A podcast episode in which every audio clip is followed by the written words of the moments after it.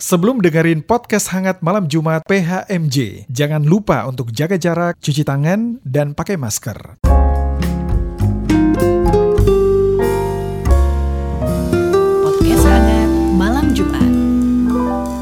Halo Sobat Hangat, saya Anes. Saya Ria. Kita kembali lagi di Podcast Hangat Malam Jumat. Apa kabarnya Ria? Tuhan Anes baik. Anes apa kabar? Luar biasa pasti nyari pada hari ini dan eh, hari ini pastinya Sobat Hangat di rumah juga yang di kantor, yang di kerjaan mungkin ya, yang di mana pun di berada maupun di mobil, semuanya pasti sehat-sehat semua. Amin. Amin ya Ri. Nah, ada Ria di sini nih. Kita kenalan dulu ya Ri. Oke. Boleh lah Ri, perkenalkan diri sendiri secara singkat. Oke, halo sobat hangat. Perkenalkan nama aku Jakaria Halawa. Ya. Panggilan aku Ria. Aku dari sektor 6. Mhm. Saat ini aku bekerja di salah satu perusahaan farmasi di Bintaro dan aku juga saat ini ada freelance make up. Wow, udah freelance make up Iya. ya. Berarti harus tampil cantik ya. Harus Anes. harus. nah, juga di sini Ri, kita nggak berdua aja. Ada siapa Pastinya sih, Mas? ada yang akan menerangi kita dengan firman Tuhan, ada Bapak Penanda Abraham Ruben Persang. Selamat Selamat siang, pagi, malam. Bahkan yang dengar bisa siang, pagi, malam semuanya. Betul, betul. Apa kabar Pak Persang? Baik, baik Anas, Baik, baik, ya. Karya, selamat malam. iya, Su- semuanya sudah lengkap ya. Tetap stay tune ya. Dengerin terus di podcast hangat malam, Jumat.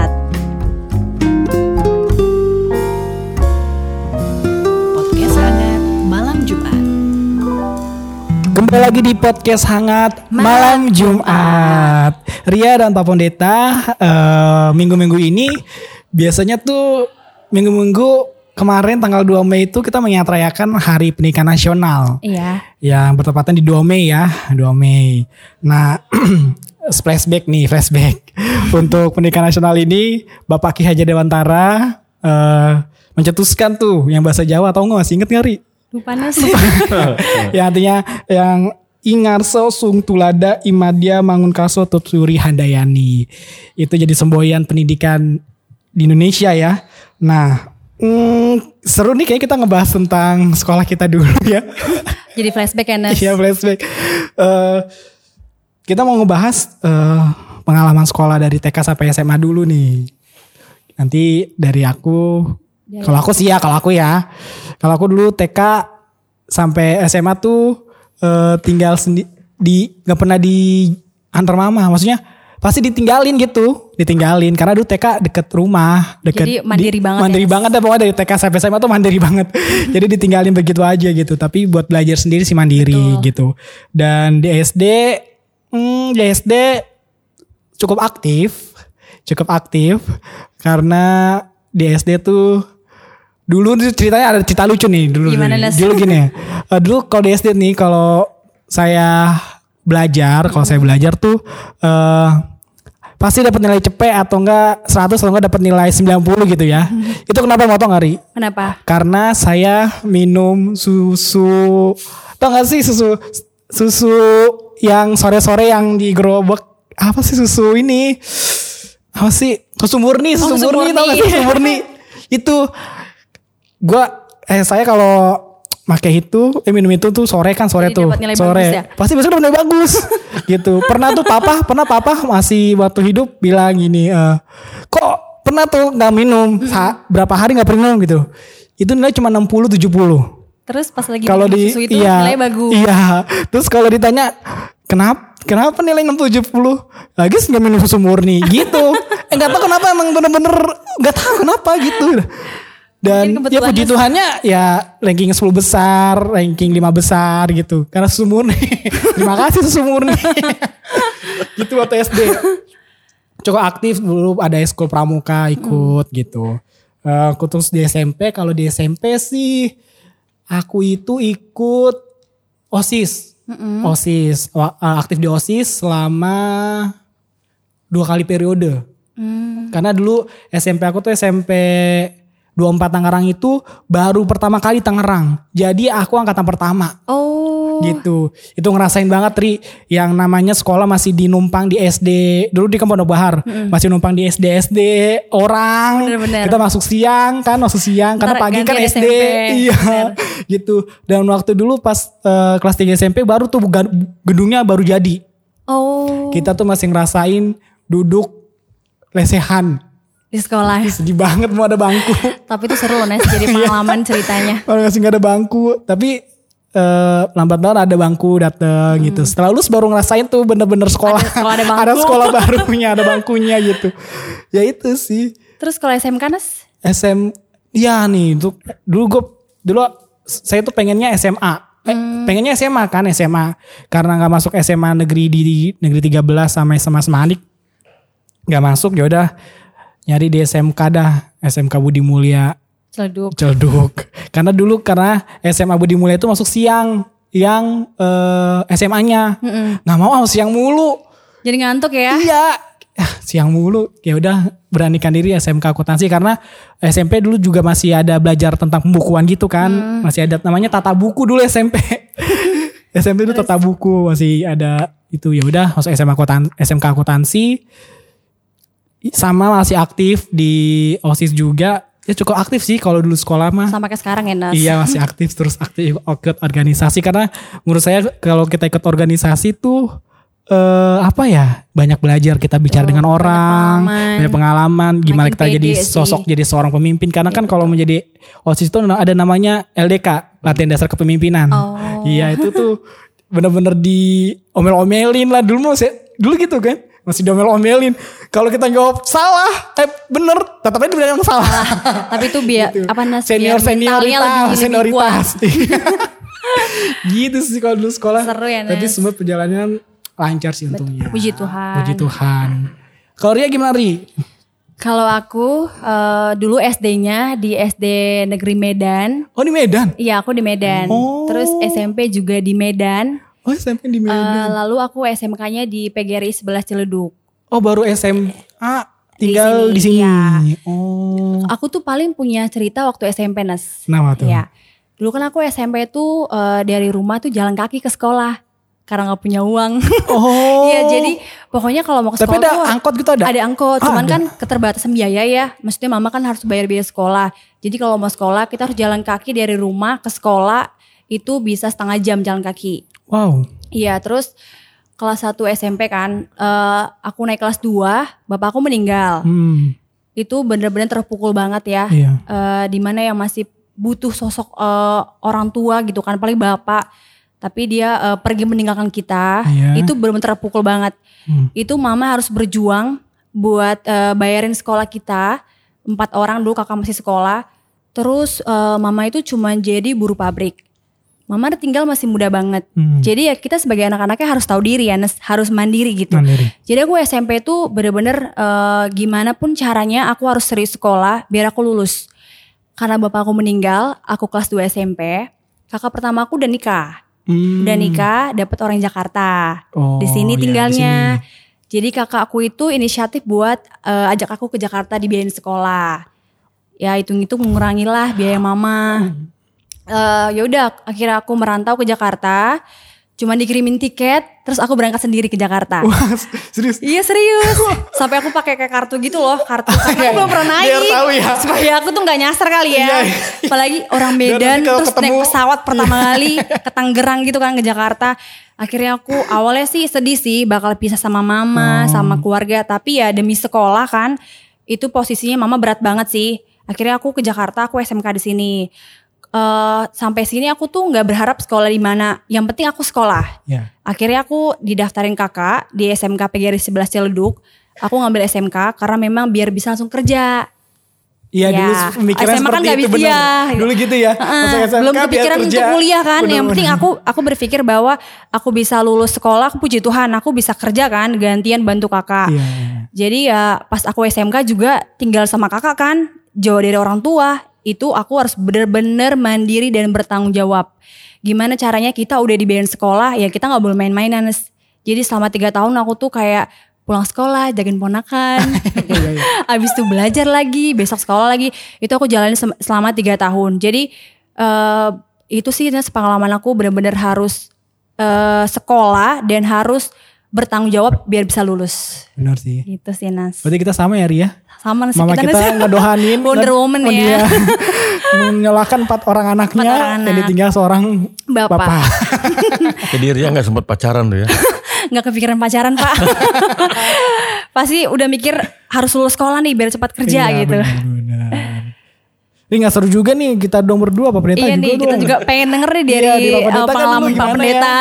Pak Pendeta Ya. sekolahnya gimana dulu Pak? Kalau saya eh, zamannya memang beda, ya, Beda.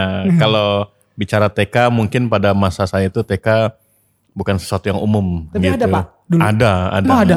Cuman saya nggak nggak nggak masuk TK gitu, Oh. nggak masuk TK. Eh, kami bersaudara ada enam orang gitu kan.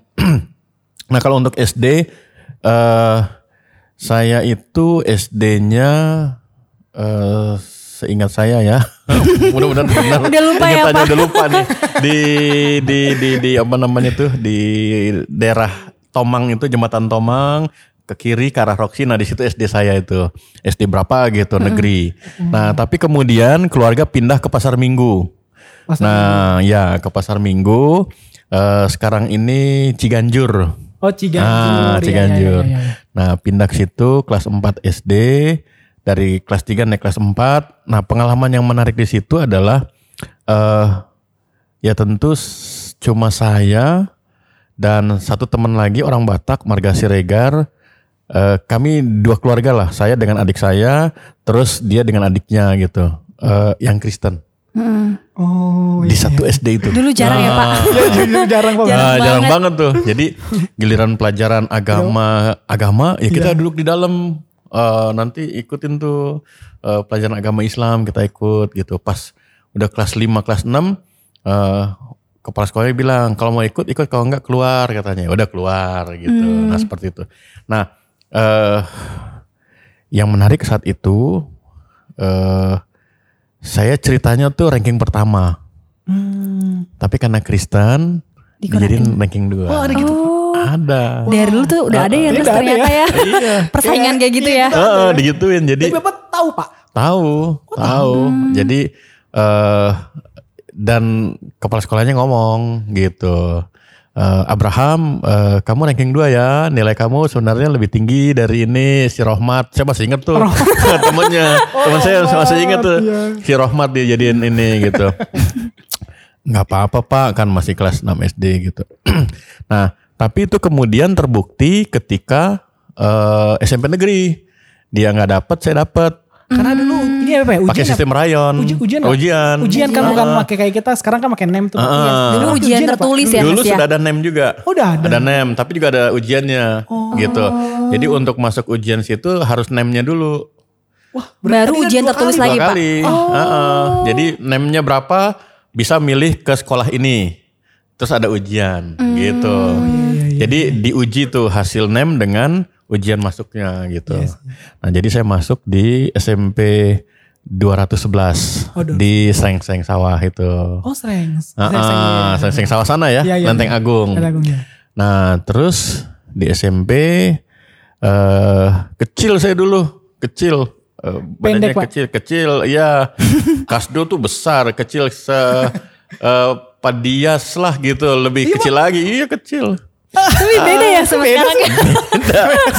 nah, yang lucunya waktu itu saya ikut karate gitu kan. Nah, nah SMP SMP saya itu sering tuh berantem sama SMP PGRI. Ah. Sampai ada juga ya Pak. Ada, ada. Oh, ada Iya. Nah, yang lucunya waktu itu eh, guru yang memang pembimbing OSIS nanya masuk ke kelas-kelas tuh. Saya ingat tuh. Iya, itu iya. waktu itu kelas 2. Saya udah ikut karate selama satu tahun gitu. Eh, dia masuk. Ya, eh, untuk dulu kan ada namanya eh, apa namanya itu? Siswa untuk eh, keamanan apalah gitu namanya itu. Diminta siapa yang eh, belajar bela diri? gitu. Saya angkat tangan kan? Ah, iya. kamu bela diri apa Bram? katanya. Badanmu kecil katanya. Langsung dijudge ya Pak. langsung dijas gitu. Nah tapi oke lah akhirnya eh, saya juga aktif seneng tuh dari dari SD ikut pramuka sampai jadi pratama Iya. Oh, gitu. Pratama, bener. ah, Bener, kan Pak. bener kan pratama terus waktu di eh, SMP dia nggak ada pramuka tapi saya ikut eh apa itu eh eh, ada kegiatan osis lah gitu ya saya ikut di situ. Nah di SMP ya bersyukur saya ranking untuk eh, paralel gitu. Terus SMA masuk di SMA 28 di Ragunan gitu. eh seru sih di situ maksudnya yang saya terkesannya waktu SMP ikut bantuin guru agama Kristen. Nah, guru Itu agama udah ada pak? udah ada, udah ada guru agama Kristen. Guru agama Kristennya itu Ibu Manik saya masih ingat nama beliau. Ya udah, kita paling cuma enam orang gitu. Tapi ya oke gitu. Masuk di situ. Eh oke sih waktu itu waktu SMP. Jadi teman-teman ingat ya sampai sekarang kita ada WA Ya, alumni ada gitu. Ya. Nah, yang lucunya mereka yang cerita, Ben lu dulu gini, lu gini. Waduh, gue udah lupa. udah lupa ya. Ya, gitu, itu gitu sih. Kalau reunian tuh diinget gitu Seru ya. ya, masih ingat zaman-zaman zaman-zaman dulu, pengalamannya. gitu ya. Menarik sih untuk eh, sekolah walaupun nanti sekolah makin ke depannya pasti ada perkembangan zamannya. Iya, betul. Ada kurikulum beda-beda. Ya semoga ke depannya Lebih baik pendidikan lagi lah. Indonesia lebih baik lagi ya Pak ya. Ya, ya. Oke. Aduh, kita reaksinya dulu ya. Iya. kan ada TK, SM, eh, TK, SD, SMP, SMA. Nanti berikutnya nih ke jenjang perguruan tinggi. Karena pendidikan itu enggak TK, SD, SMA ya, ada perguruan tinggi juga. Betul. Tapi jangan ke mana-mana, tetap di Yep. podcast hangat Malam Jumat. Podcast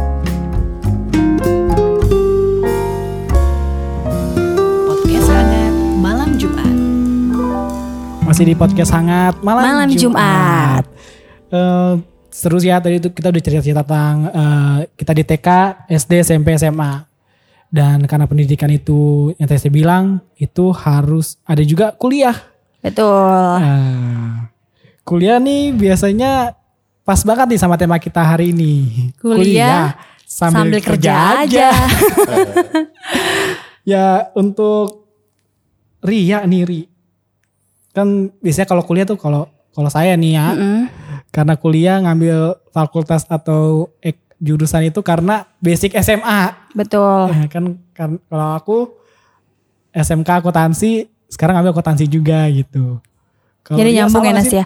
Kalau aku nggak Nas, jadi aku SMK-nya itu jurusannya administrasi perkantoran. Hmm. Sekarang aku tuh eh, kemarin lulus eh, di Fakultas Ilmu Komunikasi Public Relation. Oh, pi- iya PR nggak nyambung ya. Tapi dulu saya juga pernah kayak gitu kok. Pernah gitu. Karena dulu SMA tuh ada eskul namanya eskul radio suara Budi Mulya. Itu saya aktif tuh selama tiga tahun. Dulu pengen ngambil PR sama Nggak jadi ya, Ri. Nes. Tapi karena mikir, ah PR mah bisa buat latih sendiri, bisa buat karena sayang ilmu akuntansi nih yang Iya udah bener, ada. karena udah ada Yaudah, dari basic ya, SMK ya, Nes. Gitu sih. Gitu. Kuliah di mana Ri kuliah? Kita kan sama Nas. Sama ya? Pura-pura nggak tahu deh. Iya. Pura-pura nggak tahu. Aku-? Aku lulus dari Universitas Budi Luhur udah lulus? Petukangan. Udah lulus dong. Wow. Puji Tuhan udah lulus kemarin eh, Agustus dan wisudanya Februari 2021 kemarin. Masih Wah, baru banget Nas. Masih baru banget ya. Iya. Masih fresh. Enggak, belum kembaliin. Kenapa? Udah pak. Kalau kita nih yang pekerja jatuhnya fresh grad, grad ya? Enggak juga ya. Nggak juga sih. Fresh kita udah, kita udah kerja fresh duluan. lagi ya. Enggak fresh ya. Terus. Iya. Kayaknya udah udah ketuaan ya Udah ya. ketahuan. nah, Ri, eh, kerja sekarang ya kerjanya di bagian apa sih? Tadi kan di- Aku eh, kerjanya itu di bagian data. Jadi Oh, data data. compliance gitu Nas. Hmm, itu eh kerja dari sebelum-sebelumnya di situ atau pernah sempat kerja di tempat lain? Enggak, jadi waktu dulu aku lulus SMK, aku itu pengalaman kerjanya pertama kali jadi SPG Matahari Nes di CBD Ciledug. Iya. Ya, tahu kan, Anas? Oh iya CBD. oh dulu pernah di? Pernah dong. Oh. Karena aku dulu kepikirannya eh, pokoknya aku lulus sekolah SMK, aku kerja. Jadi Hmm. ya aku eh, omongan tuh doa sih, Nes. Dulu temanku pernah nanya, "Ria nanti mau lulus SMK, mau eh, kuliah atau kerja?" Kerja aja deh, SPG pun jadi. Eh bener, jadi SPG. Oh, Makanya kalau ngomong tuh tahun, hati-hati. berapa tahun? Dua tahun. Oh, lama juga. Iya, aku dua tahun SPG, tapi aku target. Pokoknya aku dua tahun harus punya motor. Oh. Jadi aku dua tahun dari Matahari aku resign. Aku nggak mau dong. Karena dapat motor. Nggak juga sih, tapi aku jadi, jadi jarang banget ke gereja gitu Oh, karena kan. satu minggu masuk ya. Sabtu minggu masuk gitu. Kalau ibadah sore kan udah nggak eh, waktu nggak kekejar banget. Jadi aku kayaknya nggak bisa nih SPG terus. Akhirnya aku resign deh. Aku resign dari eh, SPG Matahari 2 tahun. Aku lanjut kerja di PT Puramayungan itu ada di Jakarta Pusat. Aku jadi resepsionis dan admin selama tiga tahun. Jadi dari Ciledug ke Jakarta Pusat, Nes tau lah ya rasanya. Oh jadi eh, Ria ini kuliah sambil kerja pas dari eh, kerja di, di eh, Jakarta Pusat. Oh. Iya. Kuliahnya di Ciledug. berang- terus pulang kerja. Capek apalagi macet ya. Pulang Tapi kerja jam- puji Tuhan tuh aku memang eh, dulu bergumul kan sama Tuhan. Tuhan aku pengen nih kerja sambil kuliah. Tuhan tolong ya eh, berikan jalan biar aku dapat pekerjaan yang jamnya sesuai gitu. Jadi aku tuh masuk jam 8, pulangnya jam 5 sore. Jadi dari dari jam 5 aku bener-bener on time banget. Sampai kampus aku jam 7 kurang Nes. Udah lepek jelek kan Nes. Jauh banget macet. Aku langsung kuliah. Ya, jadi aku tuh kuliah tuh waktu dikerja di Jakarta Pusat. Terus lanjut lagi aku resign karena aku semester 5, aku merasa udah mulai sibuk. Anas juga ngerasain ya. Semester 5 itu di mana kita udah bener fokus deh sama kuliah kita kan. Iya, aku resign dan aku tuh bergumul lagi sama Tuhan. Cari aku berdoa lagi. Tuhan aku pengen deh kerja yang deket Iya. gitu. Eh, terus eh, akhirnya Tuhan kasih jalan lagi. Aku cari-cari lowongan. Aku dapat eh, pekerjaan di Bintaro. Deket banget kan. Jadi dari Bintaro aku sempat lagi pulang ke rumah untuk istirahat. Jam setengah tujuh aku jalan Bisa ke kampus. mandi ya, Ria? Bisa mandi, bisa Dulu seger kan. bisa Dulu mandi ya. baru-baru bisa mandi ya. Yang penting gimana caranya bisa sampai kampus nggak telat gitu ya. Gitu sih Nas. Jadi sekarang aku udah kerja di kantor saat ini tuh udah dua tahun. Karena aku udah lulus, aku sekarang freelance make up dong. Wow. Iya, karena udah biasa ya? ada aktivitas lain kan. Eh, lulus udah gitu. Jadi apalagi nih yang, yang bisa aku lakukan. Makanya aku mulailah eh, setelah lulus kuliah aku private make up dan aku sekarang eh, jalanin freelance make up Sabtu Minggu. Pas Sabtu minggu jadi freelance. Iya, gitu. Nah, eh, pengalaman kuliah sambil kerja gimana nih? Ri?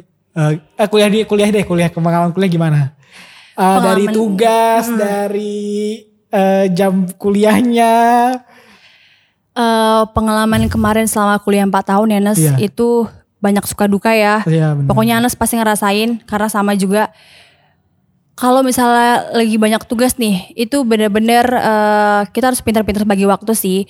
Jadi kalau misalnya lagi kerja nih jam istirahat ya aku harus bagi waktu nih. Gimana caranya aku bisa ngerjain tugas? Pasti kan malam dikumpulin tuh. Iya, benar. Pas malam dikumpulin ya aku pakai jam istirahat aku untuk kerjain tugas. Paling gitu sih Nas. Malamnya. Iya jadi eh, tugasnya dikumpulin malam, aku ngerjainnya pas jam istirahat. Curi-curi Oh, jam waktu. istirahat kantor. Iya jam istirahat kantor kan lumayan sejam kan. Iya. Aku bawa laptop ke kantor, aku kerjain, aku sambil makan gitu. Malam dikumpulin. Jadi pulang buru-buru ngeprint, kumpulin ke dosen. Kalau kalau kan kalau kuliah tuh udah namanya kerja kelompok ya. Itu kalau Iya. kerja kelompok gimana tuh kantornya? Kalau kerja kelompok itu eh, kita ngatur waktu kan. Jadi Ketemu pulang kuliah Ketemu ketemu. Kok ketemu? Iya, kita itu pulang eh, kuliah kan jam 9. Hmm. Jadi kita eh, kumpulin teman-teman, misalnya di kampus nih atau enggak di McD dia 24 jam kan. Oh iya iya. Kadang aku iya. suka pulang malam, Oh jadi pas pulang kuliah langsung lanjut lagi kelompok. Kadang pulang jam 12, mama udah telepon berkali-kali. Khawatir kan? Iya, iya, benar-benar. apaan sih kesel banget di telepon-telepon gitu. Padahal lagi sibuk kan, tapi ya kasih pengertian ke mama lah gitu. Eh, kadang pulang jam setengah satu pagi, kerjain tugas. Kadang di rumah temen nginep. Jadi pokoknya eh, nginep rumah temen sampai jam 3 pagi, tidur besok pagi kerja lagi. Gitu sih Nas. Tapi enaknya apa nih enaknya Ri? Tadi kan Enaknya. kayaknya berat-berat banget tuh. enaknya apa? Kalau Kayak aduh gimana ya? Puyeng ya. Kalau enaknya sih eh, udah kerja duluan, jadi pas setelah lulus kita nggak pusing lagi cari kerjaan. Iya iya benar Iya, ya. ya. udah kerja kan soalnya. Iya sih. Karena aku ngerasain teman-temanku tuh kayak Yang sekarang baru- Hmm. pandemi kan soalnya. Jadi mereka tuh eh, lagi pusing banget cari kerjaan. Ya aku bersyukurnya puji Tuhan, aku udah kerja dari awal sampai saat ini. Waktu aku pun di kantorku sekarang, aku tuh keterima karena aku sambil kuliah Nas. Kalau aku tadi nggak kuliah, aku nggak terima di kantorku sekarang. Karena minimal S1. Sama Ri. Iya, iya kan. Karena aku masih kuliah, aku dipertimbangkan, Nes. Nah, jadi setelah aku lulus, aku ajuin, Bu, aku udah lulus nih. Jadi di karyawan tetap. Oh, sekarang karyawan iya, tetap. puji. Tuhan. Tadi Mantap, masih mantap, kontrak, kontrak eh, setahun, aku lulus langsung deh jadi karyawan tetap. Ya enaknya sih gitu, kita nggak pusing-pusing lagi cari pekerjaan. Tapi eh, kuliah itu penting juga kan. Penting, penting. Iya, karena itu eh, salah satu syarat sih untuk masuk kantor aku. Nah, Gitu Nes. Kalau Nes sendiri gimana Nes? sama sih. Kuliah sambil kerja tuh benar-benar enak ya. Maksudnya apalagi untuk impian kita yang eh backgroundnya eh apa? Dibilang orang tua kayak nggak mungkin kuliahin gitu loh. Iya nggak sih? Terus sekolah aja bersyukur Iya, banget ya Nes ya. Sekolah bersyukur gitu. Betul Tapi betul. eh di sini belajar sih untuk ya kayak Ria ntar ngeras, mungkin Ria udah ngerasain ya gimana duit kuliah sendiri dan lulus dengan duit Banget, sendiri tuh banget gimana sih. rasanya ya Ria? Akhirnya gaji utuh. Gaji. kayak bersyukur sih ntar untuk bisa ngerasain itu juga gitu kayak Ria gitu. Betul. Sekarang lagi skripsi aku juga. Semangat ya Nes. Semangat, semangat, semangat. nah Ri, eh, berarti sekarang waktu nih dibagi waktu. Karena kan Ria juga sibuk freelance, sekarang juga eh sebelum sebelum freelance ya kan Ria freelance Masih kuliah sambil kerja kan? Nah kalau kuliah sambil kerja kan kuliah sambil kerja terus Ria kan juga sekarang eh ngambil pelayanan di gereja juga kan Ri Iya. dan harus bagi waktu dengan keluarga. Gimana cara Ria untuk membagi waktu eh, kerjaan, kuliah, pelayanan sama keluarga gimana Ri? Bagi waktunya, hmm, kalau kuliah kan malam ya Nes ya. Jadi kan Sabtu Minggu, paling Sabtu tuh kerjaan tugas. Eh, kebetulan aku kan pelayanan di PT ya, Iya. Persekutu- Persekutuan Taruna eh, sebagai kakak layan. Jadi ya mereka juga tahu sih aku kuliah sambil kerja. Mungkin ada saatnya aku tuh memang nggak bisa pelayanan. Paling aku tukeran sama kakak lain lain. Ya puji Tuhan sih teman-teman kakak lain tuh mendukung gitu dan mereka pengertian. Tapi selama ini ya aku bisa jalanin Nes. Pelayanan, kuliah tetap berjalan sih Nes Hmm. kemarin gitu. Kalau bagi waktu untuk keluarga, ya paling ketemu mama malam ya. Mama udah tidur gitu kan. Besok pagi aku kerja lagi kan. Paling ada waktunya di hari Sabtu Minggu. Tetap ada waktu kok. Tergantung kita aja yang ngatur yang ya, Ri, ya. ngaturnya gitu. Tetap ada waktu. Yang penting eh, kan Senin sampai Jumat kan sibuk tuh kerja malam kuliah Sabtu nyuci. Sabtu kita Beres-beres rumah beres-beres ya, rumah, bantu orang bantu ya. orang tua, gantian kan sama mama gitu sih Nas. Nah, oh, cara keluarga ngedukung Ria pas Ria memilih untuk kuliah sambil kerja apa sih Ri? Dukungan keluarga, mama atau Eh. keponakan-keponakan juga. Paling eh mama itu dukung banget ya Nes. Apalagi kan di keluarga aku tuh aku tuh enam bersaudara kan. Enam. Iya enam bersaudara. Sama Aku kayak pendeta ya Pak? Enam Pak? Nah, banyak ya pak. aku anak kelima dan di keluarga aku tuh baru aku doang yang kuliah Nes sama adikku Jordan. Oh, ya jadi iya, kita iya. belum ada kuliah. Pas eh, aku memutuskan untuk kuliah sempat bergumul juga sih. Sempat takut bisa gak sih bayar kuliah gitu. Tapi puji Tuhan mama kakak dukung banget karena eh, belum ada kan. Dulu eh, kakak pertama, kedua, ketiga, keempat pengen kuliah tapi nggak bisa, Bisa-bisa. kan, belum ada kesempatan. Makanya waktu mereka dengar aku kuliah, mereka tuh sangat sangat Dukung. mendukung. Selalu eh, mereka semangatin, jangan nyerah ya, jangan nyerah gitu. Karena ini kali ya. Kayaknya kalau ada keluarga yang sarjana tuh dalam setiap keluarga tuh Beda gitu loh, beda Nas. ya. Apalagi rasa orang tua ya Ri. Betul, pasti bangga banget sih Nas. Bangga banget ya. Betul. Mama pasti senang banget tuh mama. Puji Tuhan ya Nas ya. Wow, keren. Nah, Ri kan Ria aja nih kalau Bapak Pendeta kita mau dengar nih Pak. Tuh dulu kuliah kuliah teologi ya Pak? Kuliah teologi Di mana sih kuliah teologi Pak? Di STT Jakarta, STT Jakarta. proklamasi. Mega Megaria gitu. Ya ya ya ya. Itu Salemba, gimana, Salemba. gimana tuh Pak? Kuliah Nah. teologi tuh Pak. Jadi gini, sebelum bicara kuliah teologi itu, tadi kan saya bilang saya masuk di SMA 28. Oh iya benar Pak. Kakak saya itu insinyur. Jadi di kepala saya itu saya harus jadi insinyur gitu. Dia masuk di UI. Oh, Ah, Fakultas Teknik. Jadi eh, kakak saya yang pas di atas saya itu memang eh, dia tidak hidup bersama dengan kami, dia ikut sama om. Nah, dia berprestasi gitu. Nah, sementara kami dengan orang tua. Nah, tapi yang terjadi adalah ketika saya masuk SMA, ayah saya meninggal. Itu tahun 87. Ah, waktu masuk SMA. Nah, terus langsung langsung inilah bingung gitu kan. Karena kakak saya yang nomor dua itu saya anak anak ketiga. Eh, kakak saya yang nomor dua ini masih kuliah. Kakak saya yang nomor satu eh udah kerja tapi ya masih inilah belum belum mapan lah Iya. gitu ya. Terus eh, sementara eh yang sakit menahun itu ibu sebenarnya. Ibu saya. Nah, jadi 87 eh papi meninggal, eh, keluarga malah pikirnya mami saya yang meninggal gitu. Ternyata papi yang meninggal. Terus eh nggak sampai satu setengah tahun, 16 bulan, mami meninggal.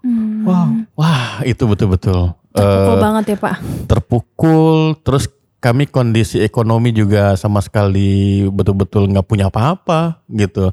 Karena eh yaitu eh, kondisinya memang tidak siap gitu. Jadi saya yang dari SMP juara-juara juara gitu ya masuk SMA negeri yang termasuk pilihan itu kebayangnya tuh cita-cita udah masuk UI, insinyur, ah kayak gitu. Itu hilang gitu.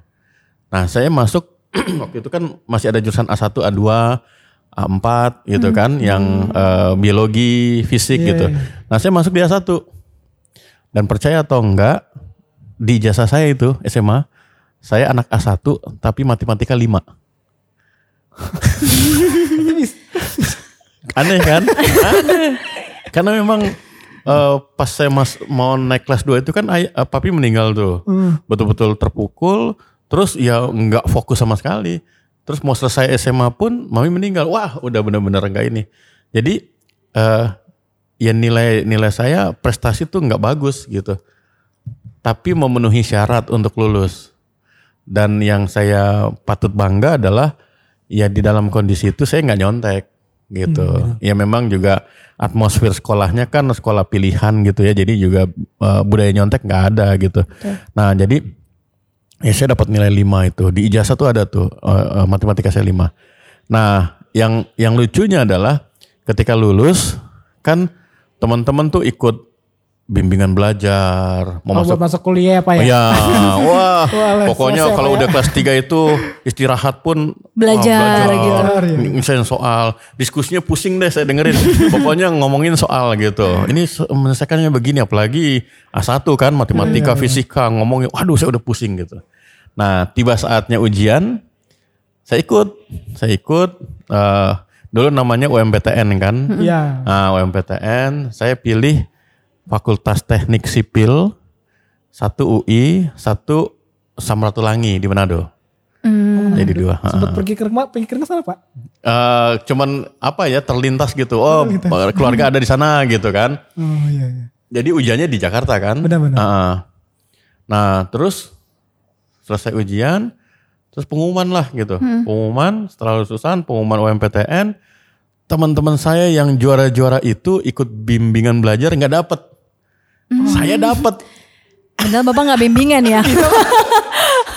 kan Keren sih. du- dulu kan namanya kalau udah perguruan tinggi negeri tuh udah keren, Keren gitu kan. Terus jurusannya sipil lagi gitu. Saya nggak di UI memang dapetnya tapi di Samratulangi gitu. Kan itu koran dulu kan. Oh koran iya koran. Iya kan pakai koran nama.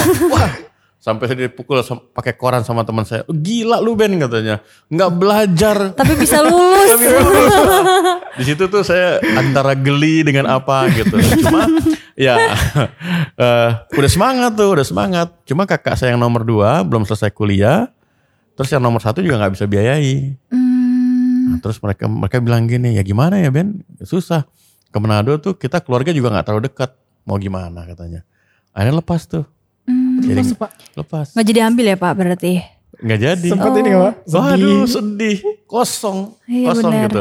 Nah, nah pada saat yang sama itu kan eh, 89 itu kan saya katasasi CD Iya. iya. di sini nih di Cilandak Markus. Oh Markus ya. Ah, Markus. nah, nah ibu pendeta, ibu pendeta Maria Lopis, eh, Miske Lopis, eh, dia kenal kan jemaatnya, dia bilang Ruben gimana? So, dia kenal juga karena apa? Karena keluarga kami tuh menerima diakonia. Hmm, Ah, Saya juga Ngebayangin juga dulu. kan, ya ngebayangin. Dan diakonnya itu saya ingat tuh uang 25 ribu sama beras satu kantong plastik. Wah, inget tuh. Kayak gitu tuh. Dulu gitu ya Pak dulu ya? Hah? Dulu dekonnya gitu. gitu. Oh. Terus nggak datang ke gereja karena kan eh, rumah kami kan di Ciganjur. Jadi datang ke eh, sektor yang ngurus pengurus sektor. Nah, yang saya ingat tuh kalau datang itu kan yang pengurusnya itu di komplek Bank Bumidaya. Ah, kebayang ya, kita yang anggota Dekonia datang. Datang. Tante, nah, waduh. Mengambil gitu. Ingat itu tuh, waduh. Iya iya iya. iya. Terus si tantenya dari luar, oh iya belum Ben, mungkin minggu depan. Waduh, iya tante. Ya. Pulang lagi. Pulang lagi.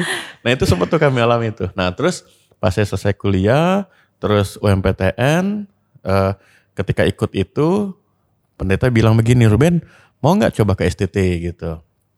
Nah beliau alumni Satya Wacana. Eh, pendeta Mora, pendeta Arin dari situ.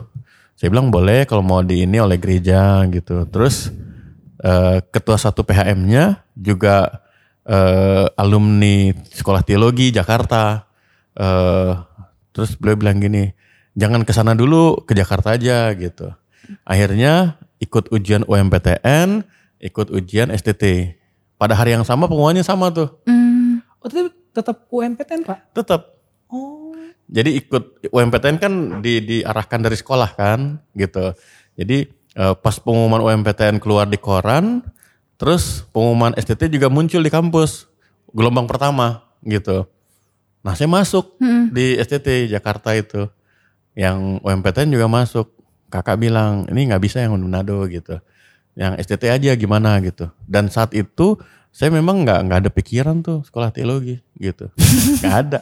Dan belum belum ada cita-cita nggak Iya, ada benar. gitu. Akhirnya laporlah sama ibu pendeta bu masuk ini. Oh oke. Nanti eh, saya coba ngomong ya sama yayasan eh, apa namanya ada yayasan di situ yang bantu untuk uang kuliah. Hmm, uang kuliah aja gitu. Nah yang menarik adalah ya saya jalani dari semester 1 sampai semester 6 karena ekonomi juga kurang apa saya tuh dari Ciganjur naik Kopaja ke Pasar Minggu dari Pasar Minggu naik 62 ke Manggarai mengarai ya. dari Manggarai terminal Manggarai turun ke Kolong itu Hah? nyusuri rel kereta api Iya, iya. jalan Jangan lagi Pak. ke kampus Heeh. jauh juga ya Jauh Pak perjalanannya. Lumayan, sekitar Dari Manggarai ke. Salemba mah. Heeh. Jauh Pak itu jauh. jalan, jalan. Itu jauh loh. Nah yang ngerinya itu kan kalau misalnya eh di Manggarai rel kereta itu kan sering berantem tuh mereka tuh. Oh sering Pak. Sering tawuran tuh antar ini. Cuman beda ini aja dibatasi rel kereta aja. Wah itu ngeri tuh. Kalau udah mereka tawuran tuh sampai bunuh-bunuhan gitu kan. Aduh kalau kayak gitu tuh eh, kita nggak ke kampus gitu kan ngeri. Nah jadi saya jalani itu sampai dengan tahun ketiga. Ini masih kosong nih. Masih belum ada teologi mau apa nggak ada gitu. Oh belum tahu kepikiran menjadi pendeta Enggak, nggak ada Pak? enggak, enggak ada. Awalnya karena pengen jadi pen- ya, engineer, ya Pak ya. Insinyur gitu. Nah, kan jauh banget kan nyambung. jauh. Iya, nah, pas tahun ketiga itu eh ini juga yang menarik bahwa dari tahun pertama sampai tahun ke-6 saya tuh kuliah cuma modal satu buku tulis. Buku tulis ya. Buku tulis dan digulung ditaruh di kantong. Bener Pak. Bener, oh ngeri banget. Ngeri gitu. Wah saya nggak kebayangin. Iya, ngeri loh, ngeri. Terus eh, ya udah eh, ke kampus juga cuma pakai kaos gitu kan, celana mungkin juga satu minggu tuh nggak dicuci, ya kayak kayak gitulah. Ke kampus tuh cuman cuman cuman dikasih untuk sama kakak ongkos Metro Mini gitu sudah. Tapi dari tahun pertama masuk ke tahun kedua semester 3 itu kan sudah mulai ada tuh eh, sponsorship eh, dari luar negeri gitu ya. Biasa mereka kasih dona, donatur apa beasiswa. Nah saya ikut gitu. Nah mulai dapet lah dari Anglican Church, dari Korea, dari apa gitu. Dapat, dapat. Akhirnya yang dari gereja makin lama berkurang, Berkurang. gitu. Tapi uang kuliah semua sudah ada tercover gitu. Malah ada lebih lah gitu. Karena ada uang buku. Sampai tahun ketiga itu eh, saya tuh tersadar ketika teman bilang begini. Karena kan kami kuliah waktu itu kan sistem paket. Maksudnya gini, kalau ada mata kuliah matrikulasi yang nggak lulus, berarti nggak bisa naik tingkat, Harus ngulang di semester itu juga. harus ngulang. Itu harus harus harus lulus gitu. Nah, yang yang harus lulus salah satunya adalah mata kuliah bahasa bahasa Yunani dengan Ibrani gitu. Nah, saya dua-duanya lulus malah yang Yunani itu yang nilainya eh, A, Amin, A plus, ya, kayak kayak gitu gitu. Sampai dosennya ngangkat saya jadi asisten dosen. Nah, saya tersadarnya itu ketika teman-teman bilang begini, Ben, eh, ajarin kita dong gitu. Kata-kata itu tuh yang tek, eh, gue udah semester 6 nih gitu Nggak terasa. nggak terasa nih. Terus ada temen minta ngajarin. Kayaknya selama ini kuliah biasa-biasa aja gitu. Terus langsung kayak buka buka file panjang gitu dari mulai tahun pertama sampai tahun ketiga. Ih, Tuhan jaga loh. Tuhan kasih semua. Kuliah nilainya nggak jelek, terus bisa ke kampus, terus dapat beasiswa sampai tahun ketiga tuh. Terus langsung kayak, wih takut nih. Gitu. Nah dari situ tuh ada istilahnya tuh turning point gitu. Saya mulai serius gitu. Dari situ sudah sudah mulai serius. Baru mulai eh, sampai eh, lulus kemudian vikaris gitu. Jadi di tahun ketiga itu saya tersadar gitu. Wah. Tahun pertama belum tahu Bener-bener. ini. Nggak tahu. Kadang memang kita nggak ngerti sama jalannya Tuhan kan. nggak bisa nebak. Jadi insinyur. Jadi pendeta kan. Keren pak. Kaget jadinya. Udah baru tahu ya. Baru tahu nih. Wah keren pak. Itulah kuliah eh, banyak cerita juga. Seru ya Nas. Seru banget pendidikan. Terus ada satu lagi nih Apa? yang eh, saya mau bagi untuk motivasi buat yang lain ya. Jadi kalau eh, ya memang Tuhan sudah siapkan jalan gitu ya. eh, apa pun apa pun mau dibuat oleh pihak lain ya nggak akan bisa gitu. Betul. Nah, saya mungkin satu-satunya vikaris GPIB yang vikaris sambil S2.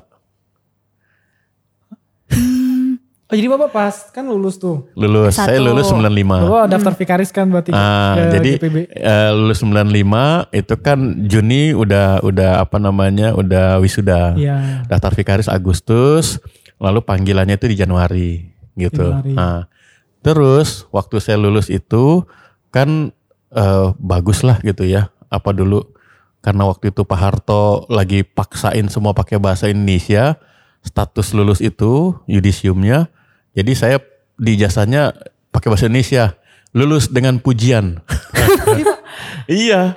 Kalau kalau bahasa aslinya kan cum laude. Iya Iya, benar-benar kalau jadi sekarang jadi ya. diledekin lah gitu kan. Karena waktu itu lagi lagi seru-serunya tuh eh, goyang kan. Pak Harto. Jadi Pak Harto paksain semua pakai bahasa Indonesia. Nah, tapi donatur saya bilang gini yang dari Korea. Ruben lanjutkan ke S2 gitu. Eh, kami siap. Itu yang dari Korea. Nah cuman kan ketentuan dari GPIB nggak bisa. Ketentuan GPIB harus vikaris 2 tahun, lalu diteguhkan, terus satu periode pendeta 4 tahun, baru ngajukan untuk S2. S2 gitu. 6 tahun tuh. Terus saya ngobrol sama senior kan, yang orang GPIB. Seniornya cuma bilang gini, lu ngomong aja Ben ke kantor sinode sama sekretaris umum gitu. Dan saya jalanin tuh. Saya jalanin ngomong. Sebenarnya eh, cerita dari senior bilang begini, sebenarnya saya masuk ke dalam program FDP untuk faculty development untuk jadi dosen. Cuman karena itu kan krisis krispon 96 sampai 98 itu Iya, kan. betul. Jadi sekolah pun nggak bisa membiayai gitu. Jadi program itu nggak ada di tahun Hilangkan itu. ya, Pak? Hilang gitu. Nah, jadi kembali lagi senior bilang udah datang aja ke sinode kalau ada donatur gitu. Datanglah saya ke kantor sinode ketemu Sekum Pak Pendeta Yunus B. Sekarang ada di Amerika. Terus beliau bilang gini, "Eh, tapi kita dari gereja nggak rekomendasi untuk studi. Terus saya bilang, tapi Pak donatur itu bilang kalau nggak tahun ini ya berarti tahun depan nggak ada lagi. Ya gimana? Eh, s- gereja bisa mengeluarkan rekomendasi kalau sekolah kasih rekomendasi. Nah ini kan lucu Iya, nih. Nah, jadi saya datanglah ke kampus. Ke kampus saya ketemu sama dosen pembimbing eh, Pak David Becker orang Inggris. Eh, saya ngomong cerita, terus dia bilang gini, Ruben, saya kasih rekomendasi. Terus gimana Pak? Nah rekomendasi ini kamu bawa ke rektor. Nanti rektor keluarin rekomendasi. Eh, Prof. Ari Tonang. Terus saya dat, eh, dibuat itu saya ke rektor. Rektor bilang kami keluarkan rekomendasi. Tapi tidak ada beban ya dari kami. Kami cuma bilang kamu layak studi gitu. Saya bawalah itu ke sinode. Sinode. Nah, sinode bilang, oh oke, "Eh, tapi gimana vikarismu? Kan nggak bisa nih berbarengan. Kata-kata saya waktu itu cuma bilang begini, Pak Pendeta, boleh nggak saya coba sambil vikaris sambil studi? Ayo sudah, jalanin. Nah, Eh bisa pak. tuh Bisa.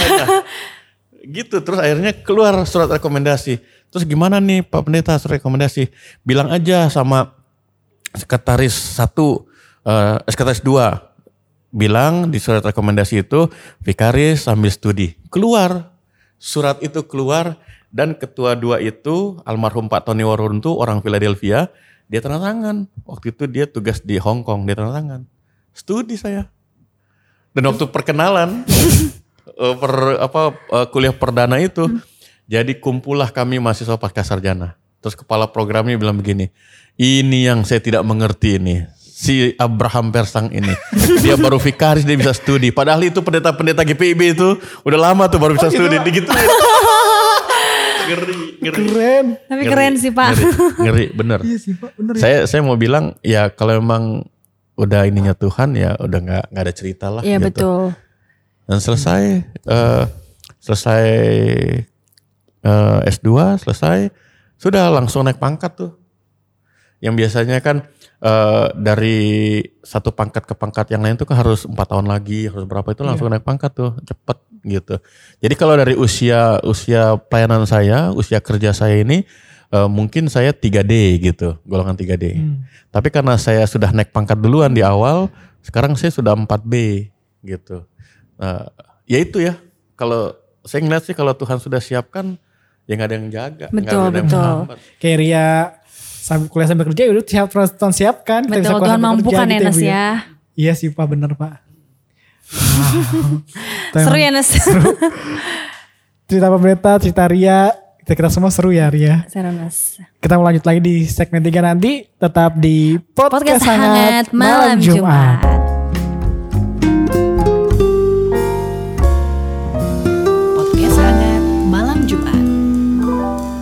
Masih bersama kami di Podcast Hangat Malam Jumat. Cerita yang sungguh menarik yang tadi kita kuliah.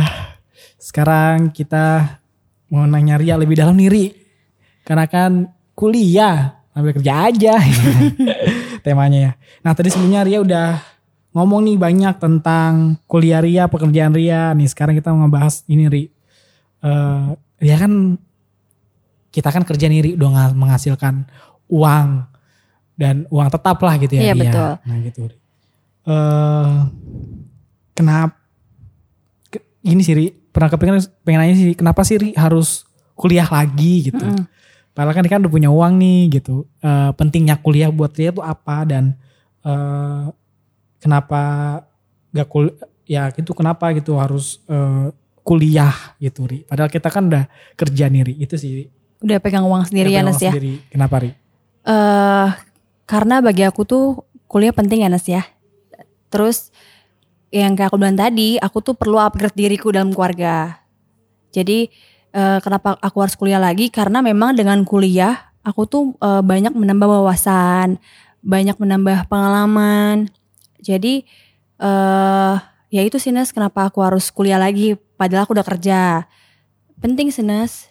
Ini penting ya karena berarti kita nggak puas nggak puas di SMA doang ya. Karena pendidikan itu kan sampai ke depannya Berlanjut kan. berlanjut ya. Iya betul. Karena dengan pendidikan juga ya kantor kayak ngelihat juga ya pendidikan ya Ri. ya. Iya di kantor juga penting Senes. Sekarang banyak banget tuh eh, kantor-kantor yang nerima itu S1, minimal S1 kan. Iya.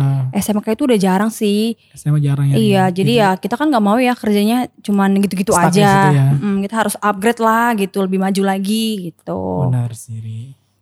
Nah, eh kalau kita kalau Ria kuliah kan pasti ada kos tambahan tuh Ri. Kan Iya, ada plot untuk bayar kuliah Biar yang kuliah. menurut ak- menurut saya sih kuliah reguler atau kuliah karyawan tuh hampir sama sih Hampir sama biayanya. Malah lebih mahal kayak lebih mahal reguler eh kuliah kita ya Ri. Maksudnya Iya, sama karyawan sih ya. kayaknya ya. Iya sama ya gitu. Nah Ri, eh, kira-kira susah gak sih sih ng- ngatur keuangan?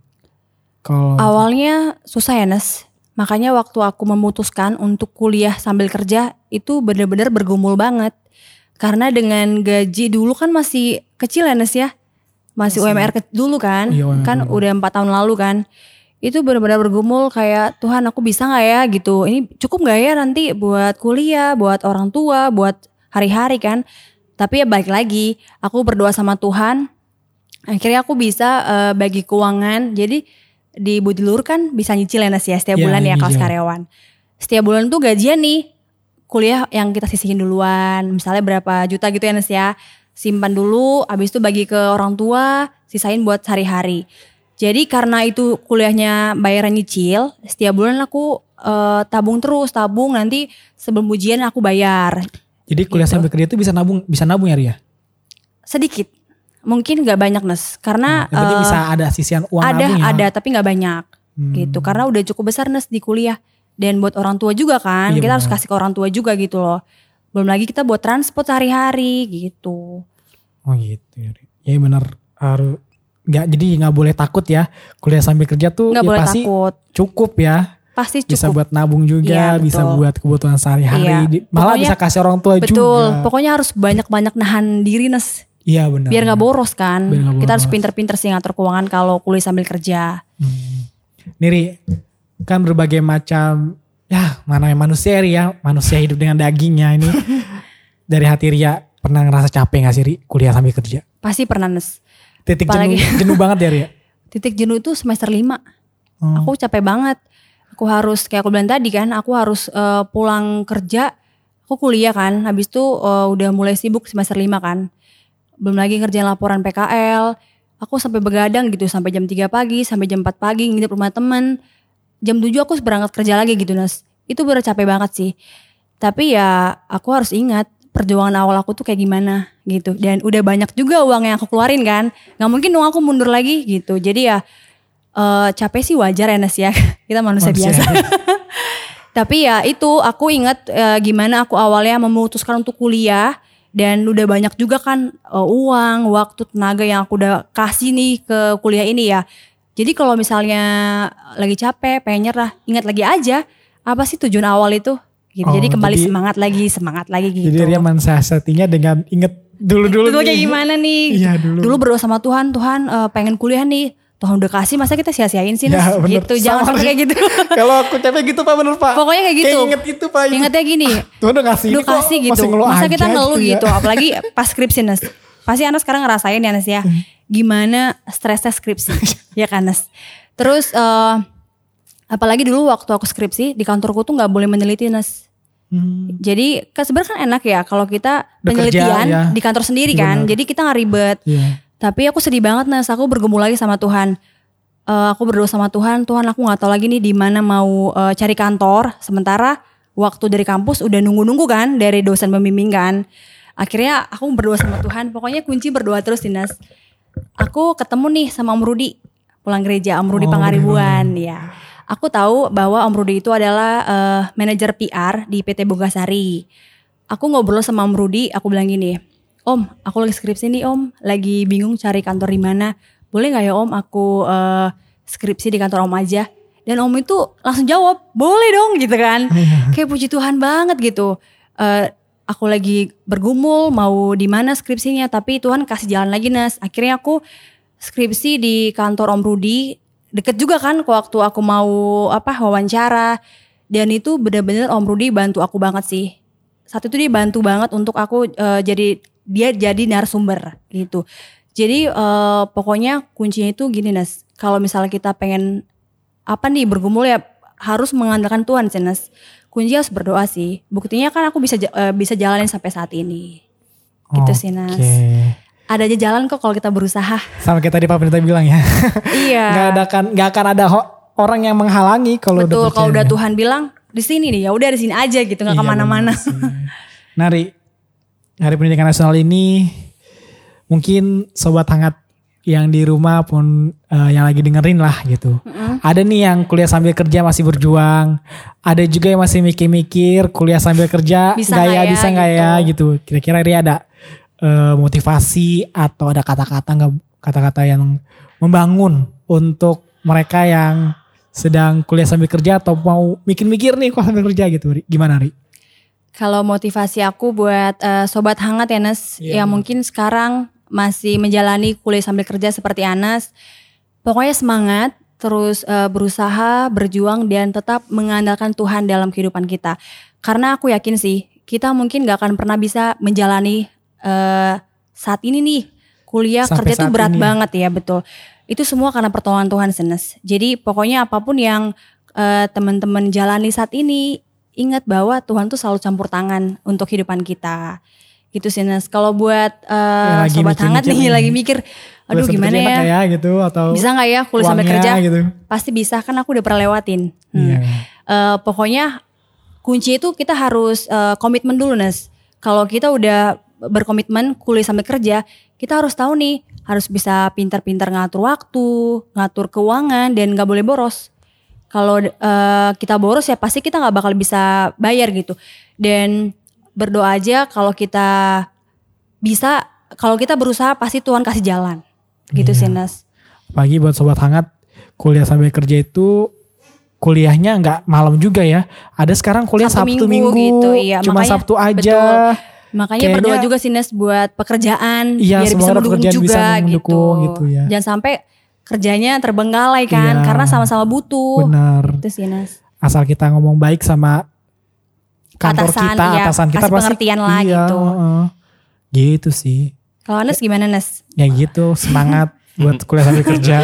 Semangat ya Nes skripsinya. Bentar lagi perjuangannya heeh. kelar. kelar nih dan itu sih pasti bangga kayak kuliah kuliah di rasa rasa kuliah eh bayar sendiri sama rasa kuliah Dibayarin. orang tua beda Beda, beda banget rasanya. apalagi kalau antar ada malah ada kuliah sambil karena beasiswa beda lagi tuh kayak Pak Betul, betul. gitu rasanya kayak bangga dan eh, kerja kerasnya tuh Tuhan kasih tuh luar biasa gitu Betul. Tuh.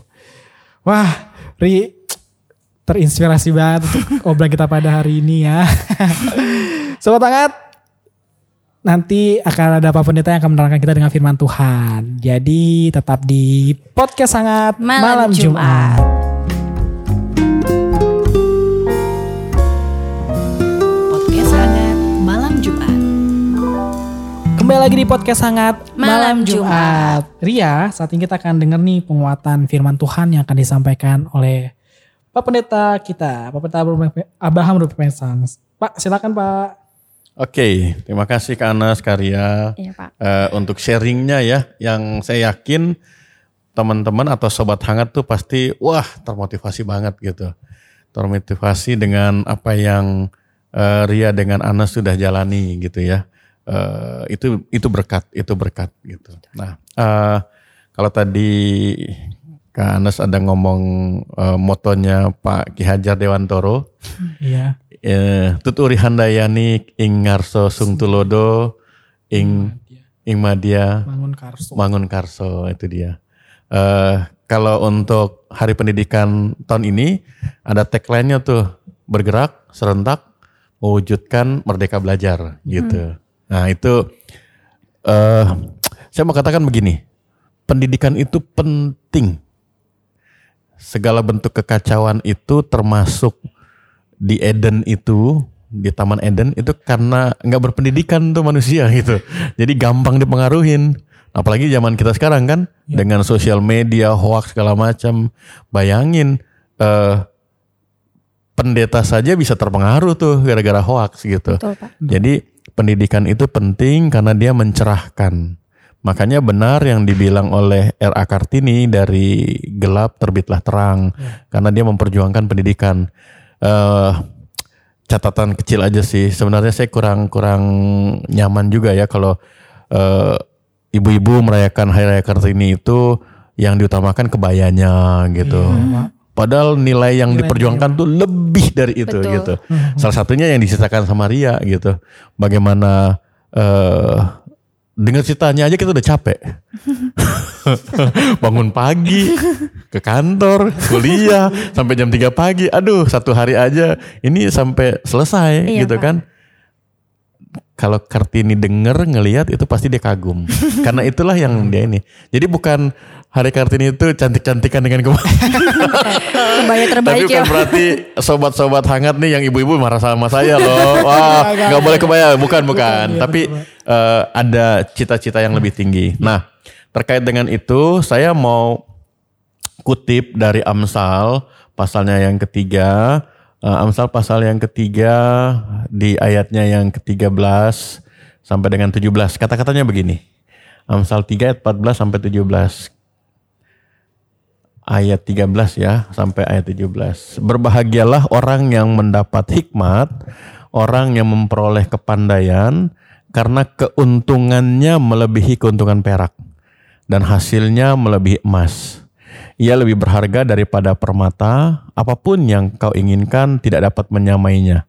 Umur panjang ada di tangan kanannya, di tangan kirinya kekayaan dan kehormatan. Jalannya adalah jalan penuh bahagia, segala jalannya sejahtera semata-mata. Eh, itu pentingnya pendidikan.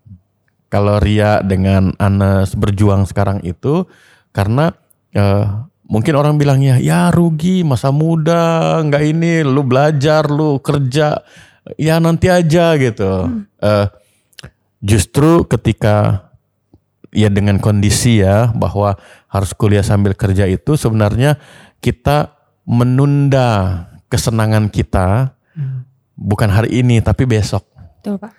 dan bukan hanya menunda sebenarnya tapi lebih tepat lagi mempersiapkan karena saya harus bilang begini ketika kita bicara situasi kita sendiri orang lain tuh cuma bisa oh keren ya Iya betul. kalau lagi sedih, oh kasihan ya, gitu.